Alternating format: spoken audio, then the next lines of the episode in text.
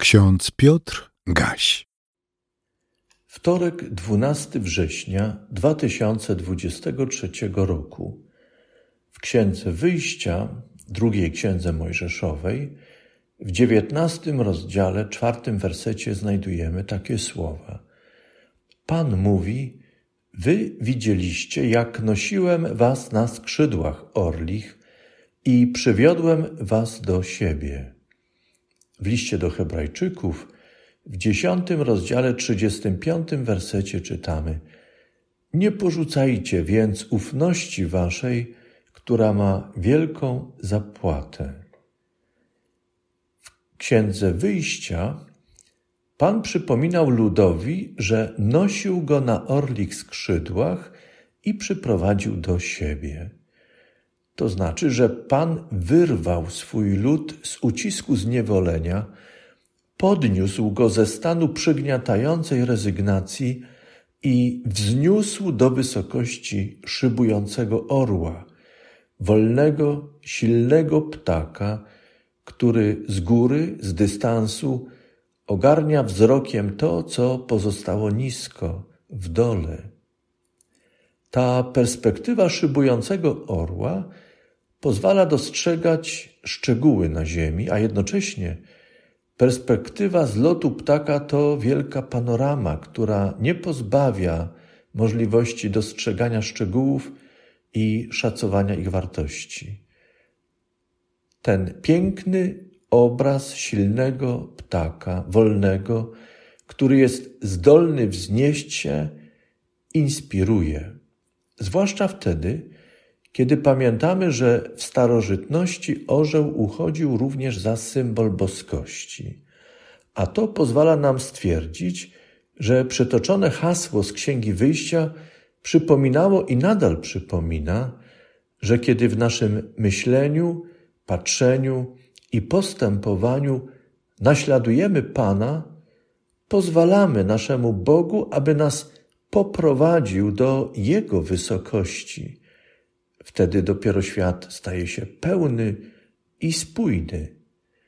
Żyjąc w takim świecie, nie jesteśmy co prawda wolni od trudnych i przytłaczających szczegółów, ale czymże one są, kiedy ufając Panu, pozwalamy się poprowadzić, bo wiemy, że wcześniej czy później Pan pokaże nam, swojemu ludowi, wspaniałą panoramę życia.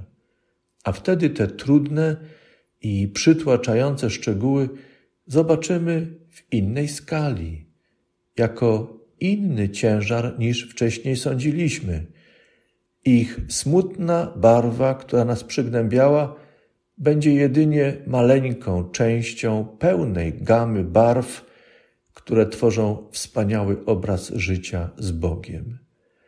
W księdze Izajasza w czterdziestym rozdziale czytamy: Czemu mówisz Jakubie i powiadasz Izraelu: Zakryta jest moja droga przed Panem, a moja sprawa do mojego Boga nie dochodzi? Czy nie wiesz? Czy nie słyszałeś? Bogiem wiecznym jest Pan, stwórcą krańców ziemi. On się nie męczy i nie ustaje Niezgłębiona jest jego mądrość. Zmęczonemu daje siłę, a bezsilnemu moc w obfitości.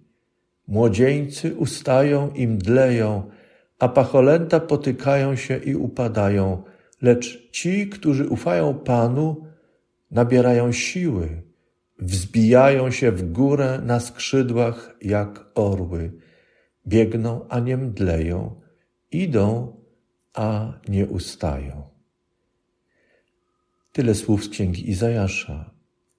Ufający Panu są silni mocą Boga. On wyrywa, podnosi, daje siłę, by osiągać w wierze i ufności cudowne wyżyny życia duchowego. W liście do Hebrajczyków czytamy dzisiaj: Nie porzucajcie więc ufności waszej, która ma wielką zapłatę. I dalej czytamy: albowiem wytrwałości wam potrzeba, abyście, gdy wypełnicie wolę Bożą, dostąpili tego, co obiecał.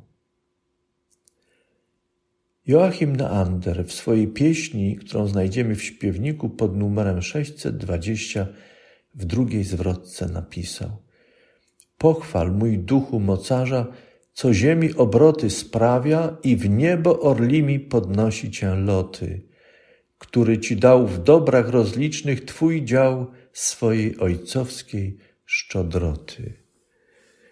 Chcę nam błogosławić i życzyć, aby poruszyło nam, nas i prowadziło nas w tym dniu jeszcze jedno słowo zacytowane przeze mnie teraz z listu do Filipian. Apostoł napisał: Radujcie się w Panu zawsze. Powtarzam, radujcie się. Skromność wasza niech będzie znana wszystkim ludziom. Pan jest blisko. Nie troszcie się o nic, ale we wszystkim w modlitwie i błaganiach z dziękczynieniem powierzcie prośby wasze Bogu.